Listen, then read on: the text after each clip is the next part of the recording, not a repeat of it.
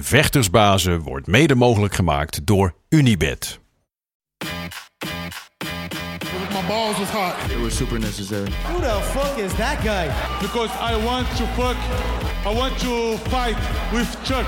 That's your job, but where I come from, you know, people like that get slapped. I'd like to take this chance to apologize to absolutely nobody. Hey, I'm not surprised, motherfuckers. This belt don't mean Oh, y'all got pecan pie in this motherfucker too? Shit. Het is weer maandag, dus tijd voor de Gouden Kooi aflevering 8. En wat een aflevering gaat het worden, want UFC 261 is gebeurd. En mijn hemel, wat een evenement is dat geweest. Jezus. Genoeg om over na te praten, zoals altijd even vertrouwd. De enige echte Tug Rose fanboy, Sam van in de house. Hey Dennis, hoe is het? Ja, goed, hoe is het met jou? Ik Ben je een beetje Ook bijgekomen? Nog steeds aan het nagenieten, man. Nog steeds aan het nagenieten. Ja, was je emotioneel? Ik was serieus een beetje emotioneel. Ja, ja, als ja. Tug Rose fanboy ja, inderdaad. ja, daar schaam ik me niet voor. Ja, Ja. Echt, eh, ja, het was geweldig, man. Wat een avond, wat Ja, een het was niet, niet normaal. Maar eh, voordat we eh, daar komen, natuurlijk Hmm. eventjes ja, even weten waar we zijn, welke dag het vandaag is Oh ja, Want, eh, eh, 26 april. Het is internationale dag van het eh, intellectueel erfgoed. oké. vet. Ja, dat is belangrijk, want daar zijn wij natuurlijk ook allemaal Oh ja, eigenaars en, en bijdragers van. Hè? Want Ja. wij maken dingen op het wereldwijde web. Dus Is belangrijk, belangrijk om ja. bij stil te staan wat er dan ook mee gebeurt. En Mm. wat met onze rechten, hoe onze rechten verkwanseld worden. Hoe zit dat eigenlijk met onze rechten? Ja, die hebben we niet. ja, weet precies. ik niet. Nee, dat Zou gaat eens allemaal... achteraan moeten gaan, ja. Nee, nee, maar zonder gekheid. Dus, maar ja, het is wel iets, eh, want hoe zit dat altijd? Als je een boek uitgeeft of een film maakt, dan weet Ja. je dat, hoe die recht- rechten liggen. Hmm. Op internet is dat toch maar een beetje, blijft een heel groot gra- grijs gebied. Ja. Ehm, maar wat nog veel belangrijker is dan dat, Mm. eh, waarschijnlijk, is dat het in Amerika is het vandaag National Help a Horse Day. Oh, help op. Ja, dat is heel belangrijk. Ja, dus- En wat is de bedoeling dan? Dan geef je Ah, een ja. paard even een wortel of zo. Ja, nou, verwaarlo- dat verwaarlozen niet. Hè. Voor alle verwaarloze Oh, ja. paardjes die daar staan, dat we daar eventjes een extra Ah, lijp. Ja. hart, eh, ons hart voor openen en aandacht voor hebben. Dus Mm. eh, Ja, nou, ik heb nog nooit een verwaarloosd paard gezien, maar ja, daarom zijn ze verwaarloosd natuurlijk ook. Die, die ziet niemand. Ja. Nee, oké, is goed. Ja. Ja, Nou, eh, het is ook de Chernobyl herdenkingsdag. Hè? Want het is Oh. vandaag in 1986 geloof ik dat de Chernobyl-ramp eh, Mm. een grote impact gehad ja, man. op, de, op de hele wereld eigenlijk. Hmm. Hoe we aankijken tegen kernenergie. En, Dus, eh, Maar- HBO heeft een goede serie gemaakt daarover nog. ja, geweldige serie. En, eh, ik zag laatst zag ik hier een, eh, een, eh, een natuurdocumentaire over. Hmm. Want dat hele gebied is natuurlijk verlaten, dat mag niet meer bewoond worden. Ja, ja, ja. En daardoor is de natuur heeft het weer overgenomen. ja. Dus Allemaal honden ook, hè? Alle- ja, maar ook allemaal diersoorten en plantensoorten, bloemensoorten die eigenlijk in de, in de, de menselijke wereld niet meer voorkwamen, die kunnen daar weer Mm. vrij groeien. Dus dat alles wat er zeg maar verdreven was door de mensheid, dat komt daar weer terug, omdat de natuur zijn vrije gang kan gaan. Dus dat is Mm. weer interessant. Ja, Eh, bijzonder. Ja. maar nog, nog belangrijker dan dat eh, eigenlijk, het is ook de dag van de schaal van Richter. Oké. Ja. En, dat is natuurlijk Dus de eh, geboortedag van eh, Charles Richter, die werd in 1900 Ah, geboren. Oké, ja. En de schaal van Richter, die waar we natuurlijk bijvoorbeeld de sterkte van aardbevingen aan mee. Ja, dus daar, shout-out naar iedereen in Groningen. Ja, precies, ja. Het is vandaag een dag voor jullie om even stil te staan. Maar de allerbelangrijkste is vandaag, het is National Pretzel Day. In, gaat hij lachen? Gaat hij lachen? Pretzels, toch? Ja, Ja, pretzel. ja vind pretzel. ik wel lekker. Ja, ja. Ja, pretzel, goede pretzel. Eh, lekker warme pretzel is natuurlijk niet te Mm. versmaden. Is de- in Amerika is het een van de meest populaire snacks. New York vooral, toch? M, Ja, New York. New York beroemd om de pretzels. Ja. Maar wist jij, kijk en hier komt de catch, dat de pretzel ooit door Nederlandse immigranten is eh, geïntroduceerd in Amerika? Hey, zo leer je ook nog eens wat, Dennis. Daarom. Dat wist ik niet. Dus jij denkt dat ik allemaal onzin zit te verkondigen hier? Nou, dat meestal wel, ja. ja. Geef ik meteen toe. Maar dit is wel een leuk weekje. Dus de Nederlanders hebben ooit eh, in Pennsylvania rond eh, de 19, in de 19e eeuw ergens de pretzel geïntroduceerd in Amerika. Oh. En daarom zijn alle Amerikanen nu zo dik. dus, Hebben wij toch weer de schuld. ja. Ja. Maar eh, laten we het over vechten hebben. Ja, want eh, we Ja, hebben er meer dan genoeg te bespreken. Want inderdaad, we zeiden het al, wat een show was Holy het, man. shit. Het was, was het eh, ik weet niet, hoe heb jij ernaar gekeken? Ja, man. Nou, eh, waanzinnig. Je, valt, je viel gewoon van de ene in de andere verbazing. Maar jij hebt... Kijk, ik ben, ik ben wat dat betreft een lafaard. Ik kijk het gewoon 's ochtends, zondag. Ik ga mijn slaapritme niet helemaal overhoop gooien. Maar jij bent wel een diehard. Al was je dat niet van plan dit keer, volgens Nee, mij. ik was het niet van plan, want ik had een hele drukke week gehad, dus ik was wel moe en ik had een etentje ook eh, zaterdagavond, dus wat gedronken, dus ik dacht, weet je wat, ik ga de prelims, want de prelims begonnen om 12 uur, er waren eh 13 partijen in totaal geloof ik, dus dan weet je wat ik ga doen, ik ga de prelims kijken Mm. en dan ga ik daarna naar bed En dan sta ik eh, morgenochtend vroeg op en dan ga ik de maincard kijken. Maar de eerste partij, en dat was een partij tussen eh, Chinese dame Liang Nya Hmm. tegen eh, Ariane Carnelossi. Dat was een, een Braziliaanse dame, een soort mini-versie van Gaby Garcia. Echt, nou, spieren, daar zijn we met z'n allen jaloers op.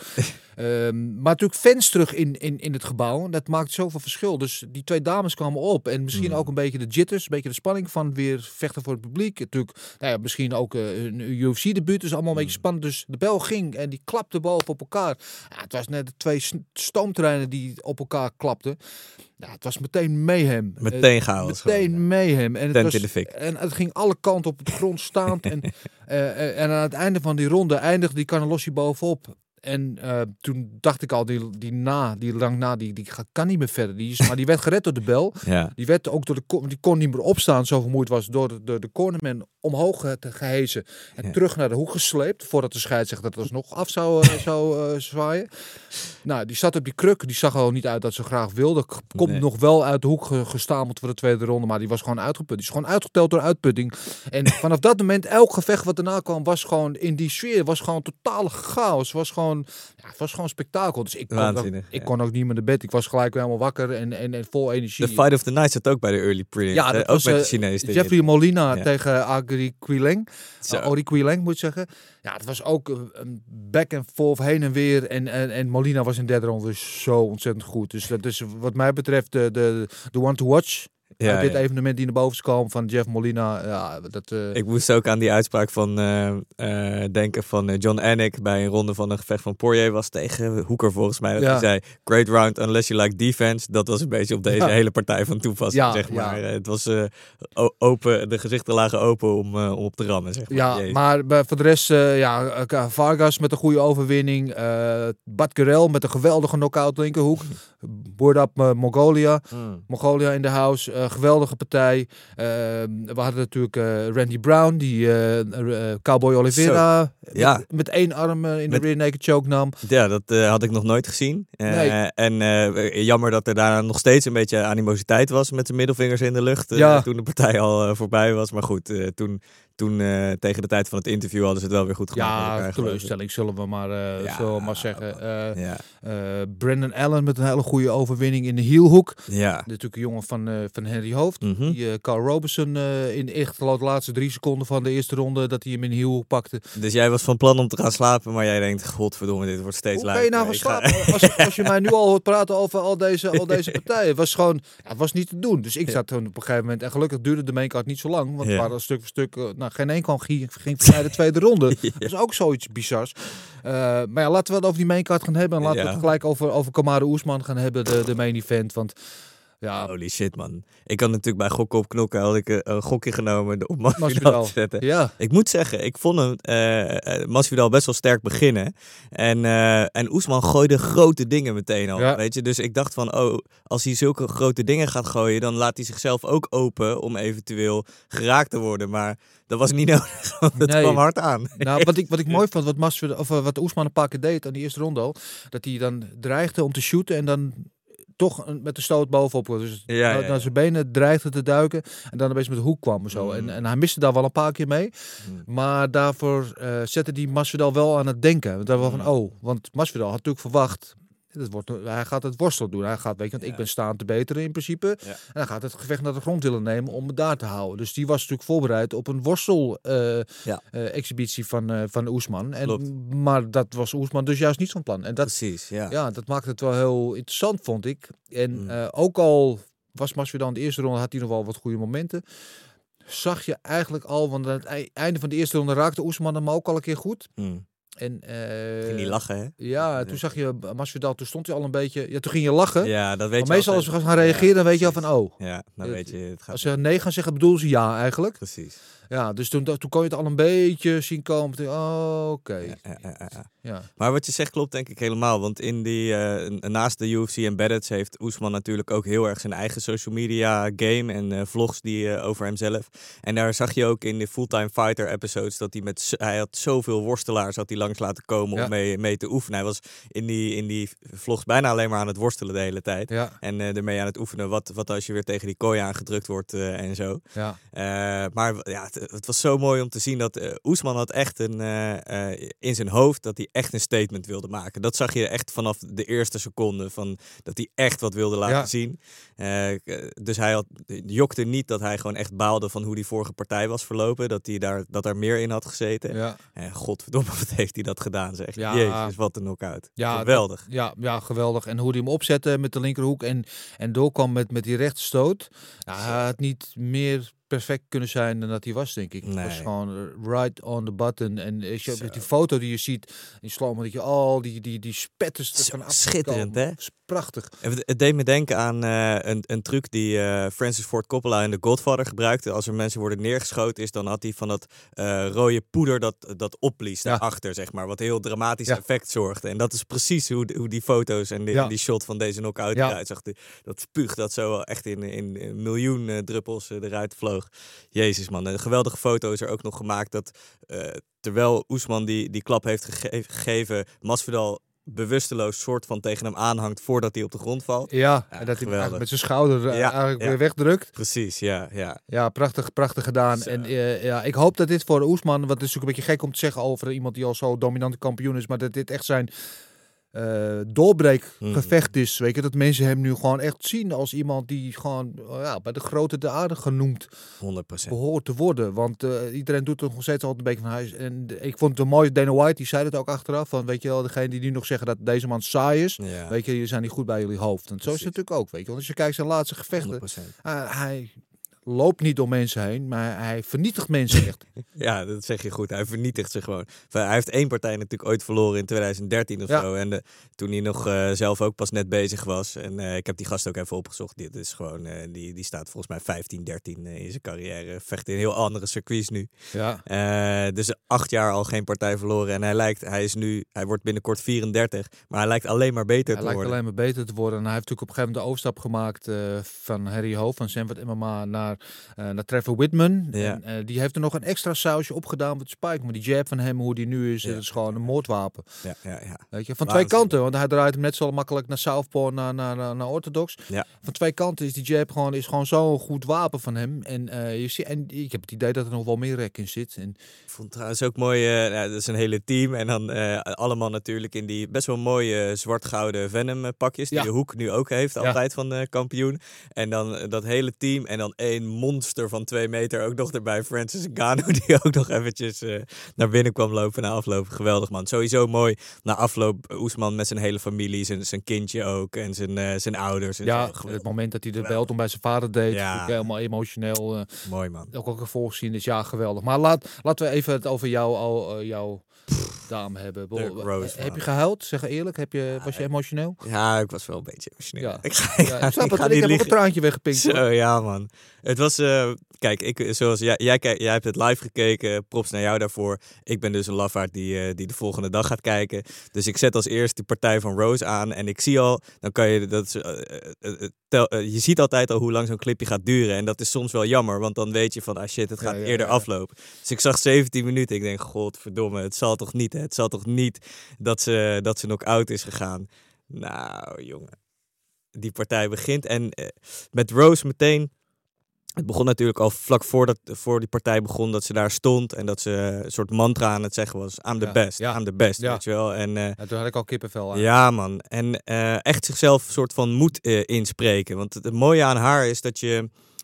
al, al die vechters die kunnen een soort van masker ophouden wel, waarvan je niet helemaal ziet wat er in ze omgaat of zo. Maar bij haar is die emotie zo zichtbaar. Gewoon tastbaar. Zo. Precies. Combinatie van dat ze er zin in heeft, maar ook je ziet ook gewoon in haar ogen dat ze doodsbang is voor wat er gaat Ja. gebeuren. Wat iedereen denk ik Ja. heeft die daar staat, weet je wel. Je Ja. voelt zo erg de, de, de zwaarte van het moment, zeg maar, als, als zij daar staat. Eh, je hebt ook het, het gevoel dat zij het moment zelf in huilen kan gaan uitbarsten, weet je wel. En dan begint die partij en, eh, en ze begint weer zo die, die beweging van haar. Het is alsof ze aan het dansen is, weet je Ja, wel. haar voetenwerk is gewoon poëzie. Ik vind dat wel mooi. Daar, Ja, Ja, nou, en het was snel voorbij natuurlijk. Die trap, man. ja Holy terwijl Wei Lee natuurlijk ook wel een paar keer nog met die, met die binnenkant low kick in het begin doorkwam. Klopt, En, ja. en, en dat natuurlijk ook bedoeld om proberen dat, Ja. dat bewegelijke van Roos misschien in de latere ronde een beetje Mm. eruit te halen. Maar ja, dat, zover kwam het natuurlijk niet, want die hoge trap was... En, en het is mooi hoe ze eigenlijk ook dreigde met een low kick. Dus je zag Ja. waar die eigenlijk ook, je verwachtte hem laag. Dan kwam beetje ook naar voren. Ja. Toen ging die trap omhoog. Ja. Het was kansloos. Zat zo perfect op. Zo perfect, ja. Ja, en, en ze was op, staand op de voet, was ze eigenlijk al weg volgens mij. Toen viel ze Mm. en toen ging Rose natuurlijk overheen nog eh, met, met die hammerfist. Ja, ja, ja. Eh, en ja, Whaley ging nog een beetje protesteren van... Dat Keith Peterson te vroeg eh, ertussen zou zijn gekomen. en- dat is en gewoon kijk, onzin. in alle eerlijkheid, het is wel een titelgevecht. Het is de Mhm. kampioen, dus misschien had hij iets langer kunnen wachten. Hmm. eh, om haar de kans te geven, omdat ze probeert nog wel overeind te komen. Je ziet het, maar Nou, ja, ik, ik heb geen enkele moeite met deze stoppage. En, Nee. en als je ziet hoe Whaley dan opstaat en terwijl ze aan het protesteren staat, nog dat te wankelen. Toen viel ze zeeman. bijna om. Hè. Ja, want in, inderdaad, in de eerste instantie probeerden ze nog terug te komen. Maar bij die tweede of derde hammerfist, toen eh, ging ze ook naar beneden weer. En toen kwam Keith Peterson tussen. Nou ben ik natuurlijk totaal bevooroordeeld in het hele ding.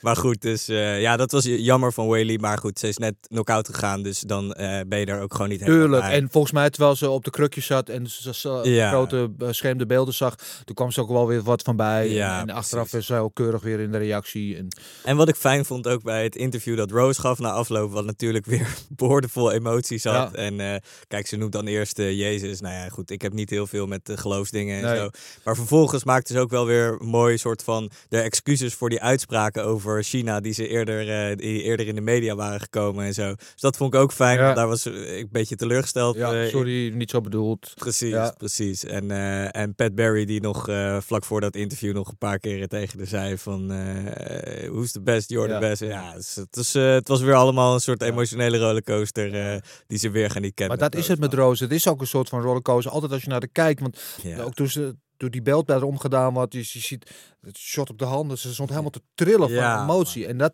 maakt haar ook zo interessant om naar te kijken. Want Mm. ze is ook een soort van emotioneel labiel. Ze loopt, Ja. Het lijkt alsof ze altijd over een soort van koord loopt. Ja, zeg En, mooi. eh, en het kan, ze kan de links afvallen, ze kan de rechts afvallen. En als ze de links afvalt, dan is het fantastisch. En dan, dan, dan verbaast de hele wereld hoe goed ze is. Ja. Maar als ze de rechts afvalt, dan, dan, dan valt ze ook heel diep meteen. En dat is bij haar altijd wel, welke Rose krijg je te zien. En nu, nu krijgen we de, de beste versie van Rose zien die we maar konden krijgen. Weet je, we natuurlijk ook gehad dat ze toen van verlo- dat ze de titel verloren. Dat ze, dat ze blij was, dat ze van de druk af was of zo. Weet je wel. En dat ze een tijdje in een hele Mm. Donkere plek zat. Ja. En, en, en nou ja, dus heeft ze de tijd ook voor genomen en, en dan zo terugkomen. Ja, ja geweldig man. Echt, echt eh, fantastisch. En, eh, Zelfs Joanna die op social media eh, dus meteen props gaf. En, Ja.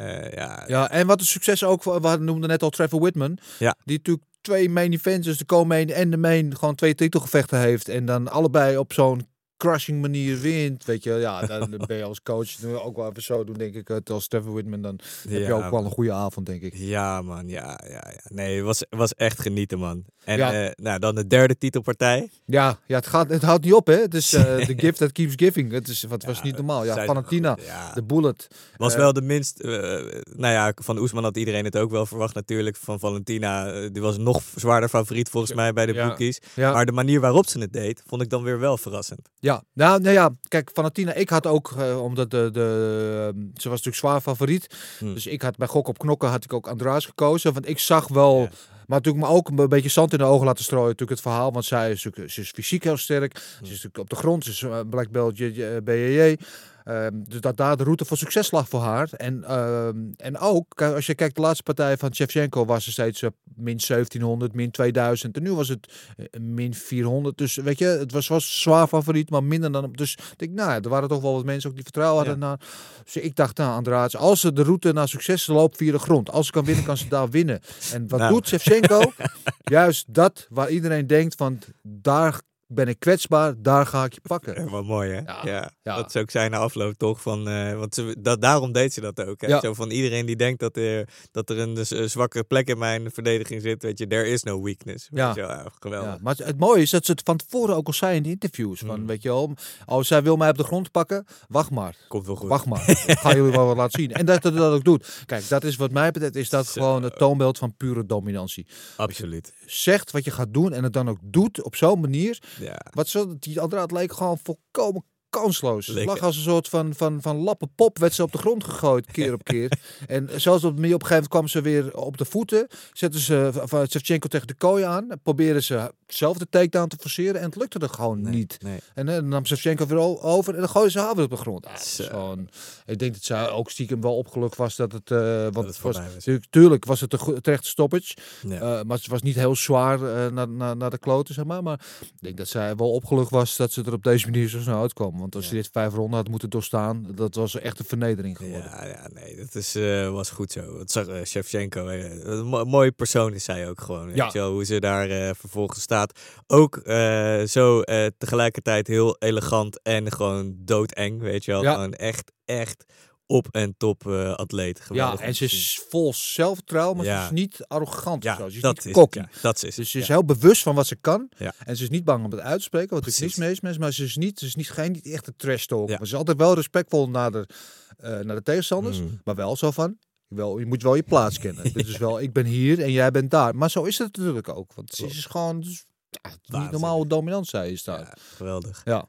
Ja, en dan de partij die, eh, die kort duurde. De eerste partij ooit waar iemand heeft gewonnen zonder een, eh, een eh, trap of een stoot uit te delen. Ja, dat was Dana White's commentaar. Vond dat wel een beetje goedkope dik, eerlijk Ja. gezegd. Ik denk als iemand zo... Chris Whiteman hebben we het daar natuurlijk over. Mhm. Zo zwaar eh geblesseerd raakt in een wedstrijd. En Ja. dat is dan jouw, Ja, jouw dat- take van het gevecht. Ik denk dat is- dat voor, voor Dana White was dat een excuus om even op social media dat clipje te delen. Weet je wel? Ja. Want dan weet hij dat het toch wel eh, viral gaat. Ja, Ja, ik heb hem ook wel meerdere keren gekeken, maar ik, ik ben echt wel eh, een kwartiertje gewoon eh, helemaal misselijk geweest Ja. van, van toen ik Ja, dat had gezien, man. afschuwelijk. Op het moment dat het gebeurde, en ik zat er dus live te kijken, op het moment dat het Ja. gebeurde, ik dacht echt, oh nee.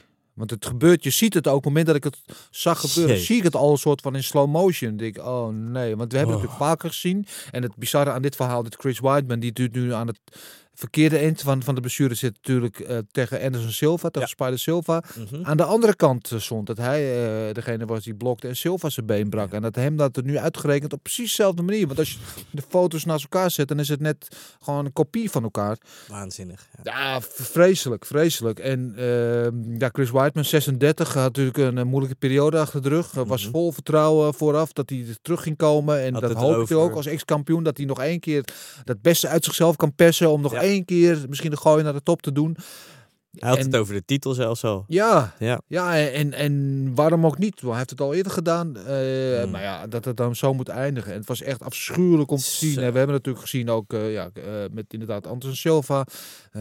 Tywin Spong tegen Geuken Saki was het een keer. Ik heb het recentelijk gezien bij Infusion. Was het Raymond Bonte tegen Fred Sikking. Die dat Hmm. eigenlijk ook op deze manier gebeurde. Die daar staat en er doorheen zak. Ja, het is, eh, het, is, ja, ja, ja, het is afschuwelijk. Het is ook afschuwelijk voor Uriah Hall natuurlijk. Wat, Ja, ik vond dat ze dat eh, goed deden bij de regie. Dat ze, ze, eh, ze lieten de camera even op hem. eh, Wat een, soort chique oplossing was om niet Chris Whiteman de hele tijd in beeld te brengen. Want je wil eigenlijk ook niet even weten wat daar Nee. allemaal gebeurt. Ehm, maar daardoor zag je inderdaad ook heel goed wat het doet met de tegenstander op dat moment. Want Uriah Hall was ook helemaal... Ja. Hij wist het ook niet helemaal wat hij ermee moest doen. Hij ging een soort meditatieve stand ging die maar Ja. Eh, zitten. Ehm, en eh, hij gaf ook wel echt een heel goed eh, interview na afloop, eh, vond Ja, ik. eh, meteen over klasse. Whiteman. Wat hij, hij wist ook zo mooi die verhaallijn hè, van eh, Whiteman was de eerste die Silva versloeg in die, na die uh, zeegereeks van Silva. eh Hal de laatste eh, Ja. bij de UFC. En eh, dat ze elkaar elf jaar geleden of tien jaar geleden voor het laatst eh, of, en, eh, voor het eerst tegen elkaar gevochten hadden. Dus dat ze Ja. hun carrière soort van eh, met een elkaar soort parallel. Zijn, Ja, want we zeiden inderdaad, precies. weet je, het was een rematch tegen hun. En Hall had natuurlijk de eerste keer, eh of, eh, Whiteman had natuurlijk de eerste keer van hem gewonnen toen met de KO, Precies. buiten de UFC. Eh, dus nu tien jaar later was het een rematch. En, en Uriah Hall, ja, ik, ik vond het heel chic hoe hij reageerde inderdaad. In, in alle opzichten. En in zijn gedrag, maar ook in, in zijn commentaar. Hmm. En eh, voor hem natuurlijk heel zuur, want eh, nou ja, nu gebeurt dit tegen hem. Hij, ze noemden hem op een gegeven moment de nieuwe Anderson Silva. hè. Dat Mm. was zijn, zijn etiket toen hij pas in de UFC kwam. Natuurlijk een beetje diezelfde spectaculaire stijl, stijl had. En in zijn gevecht tegen Uriah Hall, oh, eh, tegen Anderson Silva, dat hij hem niet nog, omdat het is zijn held. Want hij is Mm. opgegroeid met hem kijken. En dan vecht hij tegen zijn grote idool. En dan moet hij hem nog uitslaan, maar dat wil hij eigenlijk niet. En dat, nou ja, maar het is wel een, het is wel een sport, dus je doet wat je moet doen. Maar dat hij daar dan helemaal niet blij mee is, dat hij daar ook geëmotioneerd aan raakt. En dan, en dan gebeurt dit hem, weet je wel. Dus ja, ik had ook wel met hem te doen. Ik vond het heel, eh, heel sneu voor allebei. Want Ja. ja, Ja. vreselijk, vreselijk om te zien. Dit is, ik kan er, eh, eh, ja, ja, ik kan daar eigenlijk niks positiefs over zeggen. Nee, man, nee. En de, eh, de, de hoofdkaart werd natuurlijk geopend met eh, eh, Anthony Smith. eh, Tegen Jimmy Crute. tegen Jimmy Crute. Wat ook nou, echt elk, elk gevecht heeft gewoon een eigen waanzinnig verhaal eigenlijk. Wat hier Ja. ook gebeurde. Want die, die trap van Smith zat er goed op. Crute, er, er gebeurde iets in zijn voet. Joe Rogan had het over een zenuw. Dana White dacht gewoon zijn knie is naar de kloten. Het leek Ja. me eerlijk gezegd ook gewoon dat, dat alles in die knie naar de kloten was. Maar ik, ik Ja. heb er geen verstand van. Dus ja, wie weet. Nou ja, ik had ook het idee dat het misschien wel een zenuw was. Want de manier dat zijn been ging gewoon eh, eh, lam, leek het wel. ja, ze Ja. gewoon. Het is eigenlijk wat we toen ook met, met, eh met de Henry Cejudo hadden het toen ook een keer. En we hadden het niet zo lang geleden ook met eh Sean O'Malley. Had dat natuurlijk hetzelfde op een ja, gegeven moment ook. dat is waar, ja. Dat Ja. is waar, ja, Dat je inderdaad. dan precies, er schijnt de zenuw, als je daar geraakt wordt, Ja. dan schakelt gewoon je been uit. Dat is waar, ja. Nou, En toen ging hij in een soort Hail Mary takedown, wat ook nog lukte. ja, won daardoor nog de rest van de ronde eigenlijk. Ja, wat echt waanzinnig was om te zien. Ja. Eh, toen werd het dan toch nog afgeblazen. Ja. Maar eh, ja, ook, ook een bijzondere partij. Ja, en, en Bikkel Jim Crute, want hij wilde wel door. Ja. Hij kwam er een soort van eh, met, met zijn houten poot achter zich aanslepen, kwam hij de hoek uit. Dus hij Ja. wilde wel door. En zij achter haar van, ja, ik had hem gewoon eh, in de guard genomen, want ik kon gewoon niet meer op mijn benen staan. Ja, mooi. Goede beslissing om te stoppen. En ik vond Anthony Smith zag goed uit. Want Ja. Jim kwam goed door met die low kicks in de eerste, eh, eerste deel van, de- van de eerste ronde. Hmm. Anthony Smith, die jab was vlijmscherp. En eh, hij zei, Crute zei ook eerlijk, ja, hij jabt hem eh, gezicht eraf. Dus eh, ja, hij zou het wel verloren hebben waarschijnlijk. Want hij was ook behoorlijk al getekend in zijn gezicht. Zeker, En ja. ja, Smit, die was door veel mensen al een beetje afgeschreven. Zeker, ja. Ja, mensen dachten die gaat richting Bellator of zo. Maar Ja. hij is zeker nog... Ja, je ziet ook dat hij heeft alleen maar echt van elite vechters verloren. Tuurlijk. En Dus misschien een slechte periode gehad, maar hij is nog maar 32. Hè? Dus daarom. Ja, kijk, in die divisie, uh, Glover Teixeira, die is 42. Hmm. Die is nu in de beste vorm van zijn leven. Die gaat voor de titel vechten. Dus wie zegt dat Anthony Smit niet nog terug kan komen? En hoe allemaal die er nu uitzag. eh partij daarvoor ook gewonnen. Ja, ik zie nog wel toekomst hoor. In, Ja, eh, in, eh, Anthony Smit. Ja. Zeker, zeker. Als hij zo, want hij wordt nu natuurlijk een beetje als gatekeeper soort van eh, ingezet. En- Ja. Maar ja, je ziet bijvoorbeeld met Brunson, als je dan genoeg blijft winnen, dan kom je zelf weer in die titel Tuurlijk, eh, ja. vechtpicture. Dus, of in ieder geval de richting daarvan. Ja. Dus waarom niet inderdaad? Ja. Ja. En hij, hij zag ook, weet je, hoe die. Hij komt natuurlijk met een geweldig opkomstnummer. Hij had joh, Return of the Mac komt u mee. Ja, in. mooi. En vlaggend en gewoon een en al. Hij, had- er echt zin in. Het was positief. En hij genoot ook van het publiek. En, en uh, even terugkomen nog op Chris Whiteman. Hmm. Bedenk ik mij nu uh, uh, wat betreft het publiek. Um, ik was in dit geval ook wel blij. Sowieso blij dat het publiek was. Maar in dit geval met Whiteman. Want je voelde, toen het gebeurde, was echt een soort van doodstilte in, in de zaal. Want iedereen schrok van, oh nee, wat gebeurt er nu? En toen werd hij op die brancard gehezen en weggedragen. Toen kreeg hij zo'n staande ovatie van de 15.000 mensen daar uh, in de zaal. En toen zag je ook vanaf de brancard zijn duimpje de lucht in gaan, mm. wijzen, weet je wel. En dat, dat gaf me toch wel weer een warm gevoel. Die, die massale steunbetuiging en dat hij erop reageerde. Want moet je voorstellen dat in een lege Apex was gebeurd. Mm. Weet je, waar helemaal niemand in de zaal, waar het gewoon echt doodstil blijft en dat gebeurt, dan was het drama gevoelsmatig alleen maar groter geworden. Ja, precies. Ja, ja. nee, absoluut waar. Ja. Wat een avond was het. Ja, wat een nou ja, we, kunnen niet, we kunnen er wel drie uur over blijven praten. Ja, was, gewoon, uh, Zullen we naar de luisteraars gaan? Ja, er waren er ook genoeg, ja. Ja, man. Uh, ja, om te beginnen uh, via Twitter Appa. Shout-out naar Appa. Shout Appa natuurlijk uh, wereldberoemd bij vechtsportfans over de hele wereld. Vanwege zijn Badahari walkout song. Ja, toch. Een shout-out naar jou, Appa. En Appa vraagt, heeft Kamara Oesman nu bewezen dat Masvidal niet tot de elite behoort? Want Hmm. ja, hij is 3 en 4 uit zijn laatste 7. Hmm. ja. Ja. Ja, ja, dat is, valt er wel een goed argument voor te maken. Uh, uh, het ding is wel dat UFC denk ik voorlopig altijd nog wel uh, op die main event pay-per-view spot zal blijven zetten. Want hij is gewoon een megaster. Ja, zeker. Ja, en hij blijft wel een elite striker in ieder geval. Hè? Want kijk, hij is nu dan natuurlijk, heeft op striking verloren. Maar hij heeft ook gewoon Darren Till knock-out geslagen, weet je wel. Ik bedoel, dat is, dat is ook wel een elite vechter, vind Tuurlijk. ik. Dus, maar ja, inderdaad, in die, in die divisie zie ik hem niet zo snel meer voor de titel vechten. Nee, dat is, dat is wel een beetje klaar. En ook tegen een, tegen een Kobe Covington, dat weet je wel, zie ik hem ook niet winnen. Maar uh, al, alles daaronder, ja, waarom niet? Weet je, hij kan iedereen wel moeilijk maken. Uh, en het blijft altijd interessant om naar hem te kijken. Voor, juist vanwege die persoonlijkheid die hij heeft. Uh, die, die street Jesus en alles wat erbij komt. Ja. Uh, ik, en ik wil altijd nog steeds ook wel een keer gewoon um, Masvidal tegen, tegen Leon Edwards zien. Gewoon ja, voor free, free piece en soda. Absoluut. Dat moet ooit nog. En dat gaat hij wel verliezen ook waarschijnlijk. Maar dat Ja. moet wel een keer opgelost worden nog. Dat is Maar- het mooie aan Masvidal. Er zijn nog genoeg matchups met hem te maken. En dat gaat, gaat de UFC ook zeker nog doen de komende Ja, tijd. ja, dus eh, ja, ik ben het met je eens, Appa. Eh, Hmm. eh, echt kampioensmateriaal? Nee. Maar ja, wel goed genoeg om daar nog een rol te blijven spelen. En, eh, maar ja, ze moeten hem denk ik gewoon wel meer, niet zozeer voor de ranking, maar voor de money fights. eh, Money fights, ja. vechten. ja. Zeker, zeker.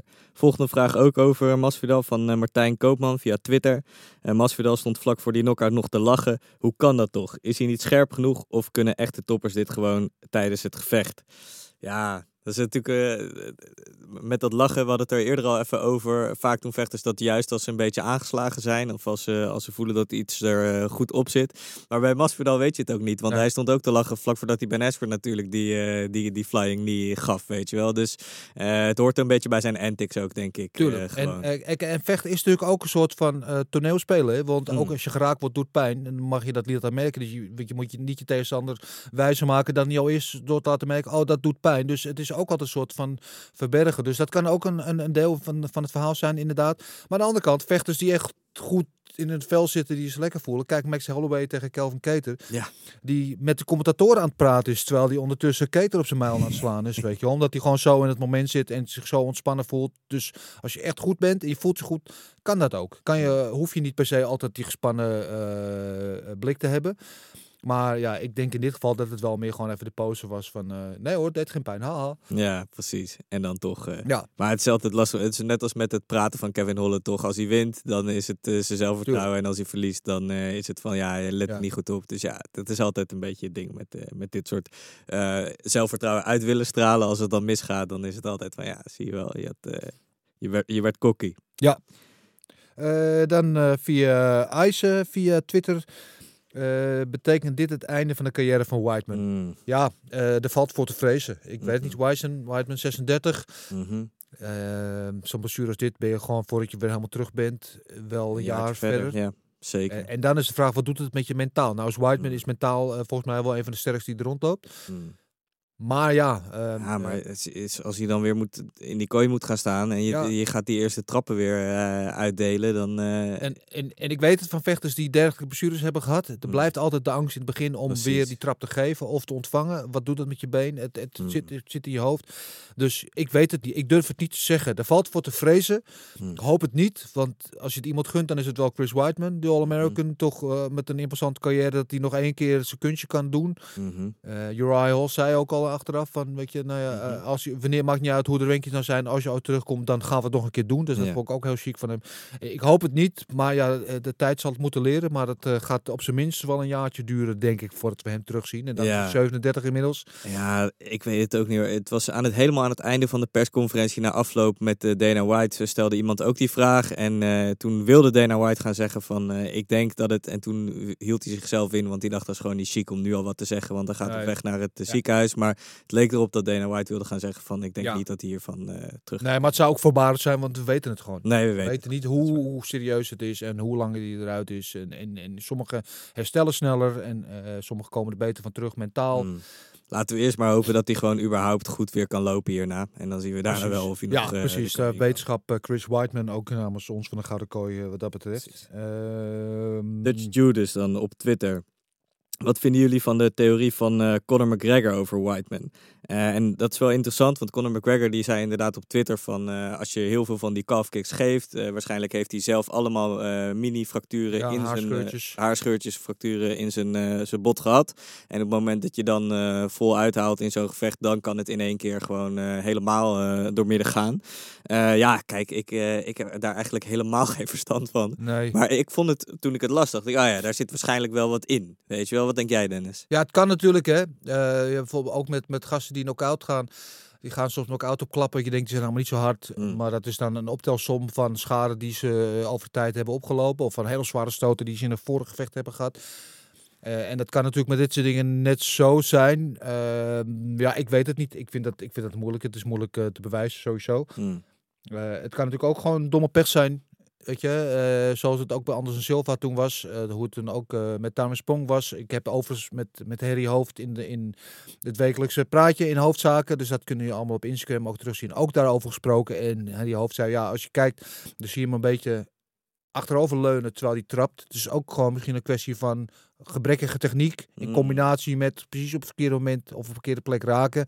En daardoor dat het, dat het barst. Ja, ja. Mm. Moeilijk, eh, moeilijk vast te stellen. Hmm, Henry hoofd daarover, dus Ja. nog in de hoofdzaak. Ja, Oké. en eh Dut Juris had ook iets, en dat vond ik wel een, eh, een fair punt.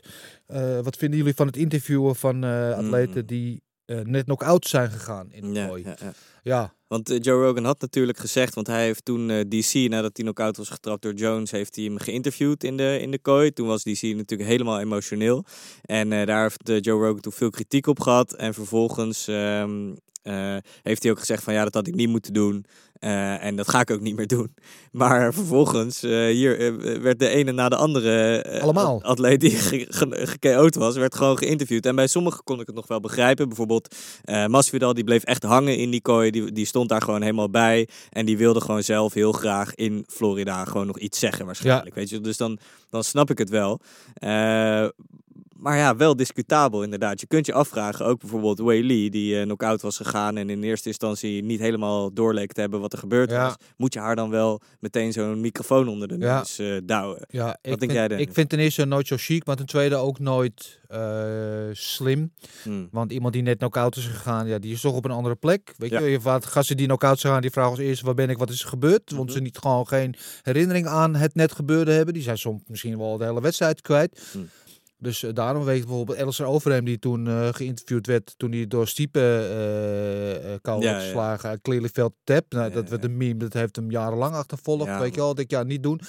Ik denk in dit geval dat het komt omdat al die partijen zo snel gingen, dat ze een beetje tijd aan het rekken waren. Dat ze gewoon de programmering moesten vullen. Hmm. Van, oh ja, we gaan nu wel erg snel. Doe maar even een interviewtje. Want dat gaat natuurlijk ook een last minute Tuurlijk, beslissing vanuit de regie. Doe maar even een interview, dan hebben we weer even twee minuten gevuld. Ik denk dat dat een beetje... Maar ja, bijvoorbeeld eh, inderdaad Jimmy Crute, die moest overeind gehouden worden omdat hij niet op één been kon staan. Maar die Ja. moest wel staan om een interview aan Joe Rogan te geven. Ben jij wel eens knock-out gegaan, Dennis? Eh, niet dat ik weet. Nee. Nee? Niet ook bij, weet ik veel, gevecht op... Eh, nee, nee, ik ben met sparren dat zingen nooit, nooit knock-out gegaan. Ah. Ik ben wel eens ooit met mijn kanen zeggen een brandbluster aangereden. en toen heb ik wel even gestrekt gelegen. Heb Toen ik hers- even- hersenschudding aan over. ja, ja, ja, ja, ja, ja. ja. Ja, ja, ja. Ik vind, eh, eh, eh, er was een tijdje in, eh, in Den Haag toen we eh, een vriendengroep waarin ik zat, zo'n voetbalteam, dan gingen we wel eens met anderen, ja, het sloeg nergens op hoor, waren weg van die tieners. En dat, werd wel eens matten dan in de binnenstad, Ja. zeg maar. Allereerst gevecht ben ik meteen tegen een boom ergens knock-out gegaan. toen kwam ik bij, wist ik ook inderdaad niet Nee. wat de fuck er was gebeurd. Dus Ja. eh, het lijkt me ook gewoon, het interview lijkt me ook niet verstandig. Maar Nee, nee, die gewoon nee. kappen, Joe Rogan. Moet ze, moet ze niet meer doen. Nee. Nee. Ehm, wat hebben we nog meer? Even kijken hoor. Eh, Brett Okamoto en Ariel Hawani opperden een best of five tussen Nunes en Valentina. Zullen we het daar zo bij het matchmaken nog ja, even laten we dat even bewaren voor zometeen. Eh, kijken. Jan van der Bos Vraagt heeft- ook over Shevchenko. Daar gaan we het ook zo over hebben. Eh, ja, Wiley Chen klaagde over de stoppage, eh, maar die was toch perfect. Mee eens? Was, nou, hebben we het net over gehad. Ja, hebben we het net over gehad. Eh, ik denk dat het inderdaad eh, een goede stoppage was. Ja. Eh, was dat Oesman pound voor pound, wat Hm. jullie betreft? Ja, Oesman staat nu volgens mij eh, Tweede plek. tweede na John, Jones. Ja. Ja, wat mij betreft, eh, John Jones heeft al lang niet gevochten, anderhalf jaar of zo. En eh, de laatste partij van Jo- Jones was hij ook. Hij heeft wel gewonnen, maar met eh decision of een split decision. En niet heel De overtuigend. laatste twee partijen waren Laatste niet twee heel partijen, overtuigend. precies. Thiago Santos en Dominic Reyes. Precies. A- allebei kan je een argument maken dat hij die niet heeft gewonnen ook. Ja, En bij Oesman is dat heel lastig. ja daar kan je weinig argumenten tegen maken. Dus ja, wat mij betreft eh zat eh Oesman nu gewoon eh, op die pound voor pound nummer 1 helemaal. mij nu betreft natuurlijk ook. Khabib helemaal uit de discussie is. 100%. Dus eh, schuif maar. Eh, misschien hebben we vandaag of morgen zullen de nieuwe rankings bekendgemaakt worden. Mm. Dus eh, hopelijk zien we dan eh, recht gedaan worden wat dat betreft. Ja, mee eens. Eh, wat hebben we nog meer? Via Combat Sports Fanatic. Eh Oesman Covington 2 lijkt er aan te komen. Met afstand de twee beste vechters in de divisie. Eh, wie wint hem? Eh, Ja. goeie vraag. Ja, eh, daar gaan we het ook zo wel even over hebben bij eh, eh, Ja. matchmaking. Maar Ja, Combat Sports zegt terecht ook bij recency bias aside, weet je wel. Dus oké, vergeet recency bias is natuurlijk altijd sterk. Ja. Wat je recent hebt gezien, dat maakt altijd het meeste indruk. ja, Maar het ding is natuurlijk ook dat eh, bij Oesman hebben we gezien wat voor stappen die heeft gezet de, ja laatste precies. Dat tijd. hebben we bij Covington niet gezien. Precies, die heeft alleen tegen Woodley gevochten. Eh, en voor de rest eh, hebben we geen idee eigenlijk of Nee, hij nog die heeft rustig de tijd uitgezeten om deze partij weer krijgen. En die die ook volkomen terecht moet gaan krijgen. Dat lijkt me, lijkt me geen kwestie over. Ja. Maar gaan we het zo nog wel even over hebben. Via Pieter Wever, via Twitter. Wat vinden jullie van de calf kicks? Ja, de- deze discussie die komt natuurlijk elke keer weer voor als er een vechter blessure oploopt. Of eh, net zoals Conor McGregor, dan moeten we calf kicks wel toestaan. Want het is zo bepalend. eh, Mm. Ja, ik vind dat... eh, eh, het is gewoon een, een middel en heel veel vechters hebben er nog geen antwoord op. Maar weet je, ja, de linkerhoek is zo effectief, moeten we maar verbieden. Nee, dan moet je maar zorgen dat je, dat, je, ja. dat je je dekt. En dat is hetzelfde met die calf kicks. En je zag het nu Uriah Hall en de vechters beginnen zich er tegen te wapenen. Mm. Maar dat gaat dus gewoon met een kwestie van tijd. Op een gegeven moment dan is het nu is het weer een ding en niemand weet hoe ze ermee om moeten gaan. Op een gegeven moment wordt de methode bedacht. Zo verdedig je tegen calf kicks. En dan wordt het gewoon een wapen dat kan werken, maar wat je ook kan verdedigen. Dus Ja, ja, ja. ja ik vind die hele discussie over moeten trappen maar verbieden en zo. Nee, nou hou op. Nee, precies. Laatste vraag van eh, NV Botje via Instagram. Komt Nick Diaz ooit nog terug? Ja, ja, dit vind ik wel dat? mooi, hè? hij ziet er wel goed uit, hè? Helemaal shredded Hij is ziet hij er helemaal goed uit. Hij zat er wel eh, in de zaal ook eh, bij UFC 62 lekker met een biertje in zijn hand. en eh, het mooie was, hij kwam op camera en toen eh, ging de hele zaal ook uit zijn dak. Want hij blijft ook een fan van hem. Tuurlijk. Hij heeft niet meer gevochten sinds 2014 geloof ik. Ja, ja mooi. niet meer gewonnen sinds 2011, dus dat is al 10 jaar. Ja, geweldig. En- En, dan nog zo'n... eh, Zo'n impact op de hebben. fans en zo. En eh, Dana White zei tijdens de persconferentie achteraf ook dat hij, eh zei ze, Nick Diaz zit achter nu te wachten op mij, want we gaan zo praten. En hij wil vechten, dus we gaan kijken of we eruit kunnen komen. Dus ja, het lijkt, hij dreigt al heel lang mee, want hij begon vorig jaar al, zo al met filmpjes posten van ik, weer, ik kom weer terug en dit en dat. Mm. Maar het lijkt allemaal een beetje gelul in de ruimte. Eh, Maar toen had hij dat interview met Ariel Hawani ook gegeven. En de- ik eh, heb echt geprobeerd te begrijpen wat hij daar allemaal aan het zeggen was. Maar er was echt geen chocola van te Nee, hij maken. was stoned waarschijnlijk ook. Ja, dus toen dacht ik wel van ja, eh, ik weet niet of deze gast ook met zijn hoofd, eh, of dat allemaal eh, nog scherp genoeg is om, Nee. om dat risico te gaan nemen op zijn leeftijd om weer de kooi in te gaan.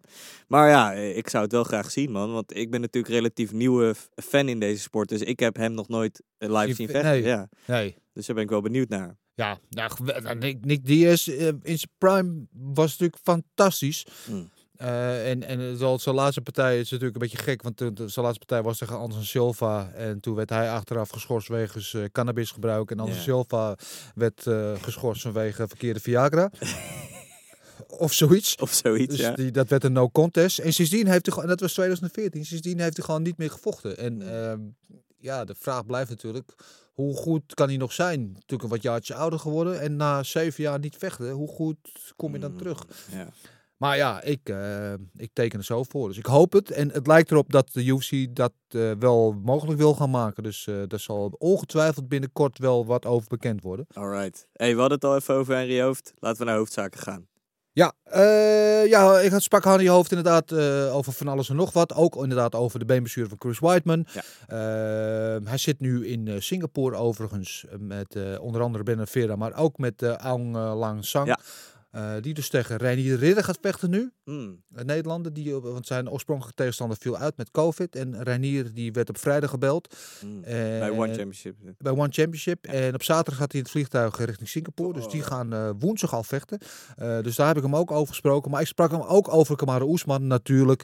Eh Kamaru Oesman jarenlang eh, bij Henry Hoofd getraind. Dus ik ken hem goed en de contact is nog goed. Ook ondanks dat Trevor Whitman nu zijn hoofdcoach is, is die band er nog steeds. Dus hij was uiteraard ook heel blij.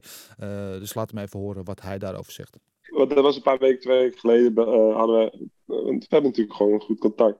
Toen vroeg hij of Sean kon helpen en alles. En die is daar ook een week eerder heen gegaan om een beetje, zo wel lekker als een jong van zijn eigen in de hoek hebt waar hij dus zo lang mee is. En nogmaals, hij traint natuurlijk met Trevor en dat is ook een hele goede trainer. Maar we zijn al 8,5 jaar samen onder elkaar, dat gaat niet zomaar weg. Zoals ik altijd al zeg, je bouwt zo'n huis samen. En dan komt er al een trainer in en die, ja, misschien hangt hij de gordijnen een beetje anders. Ja. Maar de fundamentals, die zijn er gewoon. En, eh, en we hebben gewoon altijd heel goed contact, ook met Trevor. Dus ik ben gewoon heel blij voor hem. En zeker, eh, ik heb het al eerder gezegd, er zijn heel weinig mensen die hem gaan verslaan. Dat heb ik al van Ja. het begin af aan gezegd. Als hij gewoon gefocust, in, gefocust is en wat hij nu doet, eh, wordt het gewoon heel moeilijk. En dat is ook heel slim. Hij zou ook stoppen wanneer hij denkt van eh, dit is goed voor mij, weet je. Slimme, Ja. slimme, slimme man. Ja. ja, mensen willen heel graag altijd labels plakken op, eh, op prestaties, op dingen, op, op personen. Eh, met Oesman is het nu alweer de discussie van is hij de beste welterweight ooit? In die discussie met George en Pierre. vind jij daarvan? Vind je het een beetje onzin of terecht? Of... Ja, Vind ik wel, want als je terugkijkt, als ik als je vraagt mij was wat, hoe was de beste kickboxer ooit? Ja, waren een heleboel goede kickboxers. Van Ernesto tot tot Rob, tot Peter, tot Ramon Dekkers. Dat, dat- het is heel moeilijk. Op dit moment is hij de beste. En, ehm, en ik vind ook, ik vind wel eh, hoe hij, zeg maar, hij heeft iedereen die hij moest verslaan, heeft hij verslaan, verslagen op zijn manier. En, eh, en hoe hij dat eh, ook zo oplost met Colby en nu met, Masvidal. En, en als hij moet worstelen, dan worstelt hij. Hij is gewoon, eh, ja, en er waren natuurlijk een paar andere hele goede middleweights. Like eh, George St. Pierre ook. Maar ik denk, de, ik denk gewoon dat deze tijd is gewoon, hij is gewoon is er niet te vergelijken met andere mensen. Hij is gewoon van een heel ander niveau. Het wordt gewoon heel moeilijk eh, voor andere mensen om hem te verslaan, weet je. Dat kan alleen maar, denk ik, als iemand, eh, als hij zijn focus eh, eh, van het spel afhoudt en een beetje een ander leven gaat leven. Maar je zag het in de kooi met zijn dochter en zijn familie erbij. Ja, hij is niet zo. moment. Hij, eh, hij, komt misschien, hij komt misschien een beetje voor sommige mensen, want die gaan nog steeds boeien en alles. Dat snap ik helemaal niet. Ja. Komt hij een beetje raar over, omdat hij soms een beetje met de trash talken meedoet. Want zo is hij helemaal niet. Maar deze man is gewoon slim en heel erg goed. En heel erg consistent en heel erg professioneel. Die, die krijg je niet zomaar gek. Dat zie je gewoon. Dus eh, nee, is een hele Ja. goede kampioen. Ja, een hele goede kampioen. Dat is eh, geen woord Frans aan, eh, denk Nee. ik. Eh, ja, 14 eh, wedstrijden op rij nu gewonnen in de UFC. Alleen Anderson Silva had met 16 op rij ooit een betere run. Dus wat dat betreft komt hij wel al in die, in die regionen. En die discussie gaat natuurlijk, want George St. Pierre geldt ook als een van de goats. En de beste welterweight alle tijden. Is hij al op dat niveau? Dat is dan nu de discussie. Ehm, kijk, hij heeft wel die, inderdaad die 14-fight run. Aan de andere kant, George St. Pierre had meer titelgevechten. Dus wat dat betreft is hij daar misschien nog niet. En ook de, de tegenstand die George had, want die had natuurlijk ook alleen maar killers en had ook eh, wel eens adversity. En dat hebben we Oesman nog niet echt zien hebben. Nog wat meer titelgevechten nodig, denk ik. Ja, ja. Maar Mooi trouwens dat die Henry Hoofd ook noemde nog. eh, Zeker, zeker, Ja, zeker. Respect, eh, daar waar respect eh, gegeven moet worden. En, eh, maar duidelijk is dat Oesman wel op de, op dat traject zit van zo'n Hall of Fame carrière. Dat, is daar is geen twijfel over mogelijk. En dat hele gesprek met Henry Hoofd, zoals gezegd, eh, zal eh, in de loop van morgen op ons Instagram-account te volgen zijn. eh minuut of eh, 10, 12 ongeveer. eh, over, waar we het over dit hebben en over van alles nog wat. Dus eh, check dat uit.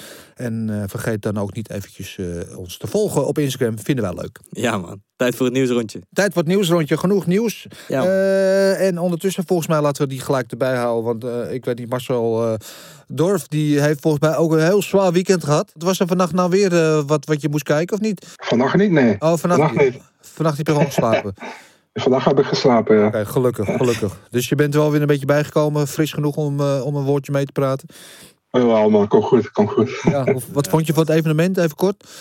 Ja, leuk evenement, man. Ehm, heel veel, eh, eh, heel, heel veel hoogtepunten evenement. Een heel groot dieptepunt, uiteraard. De, de Whiteman, denk ik, de, die zijn been brak. Maar ja, ook de prelims waren, waren erg leuk. Vooral, vooral de eerste twee vond ik erg goed. En ja, dinges, uh, Roos Namajunas, die eh, met een KO won.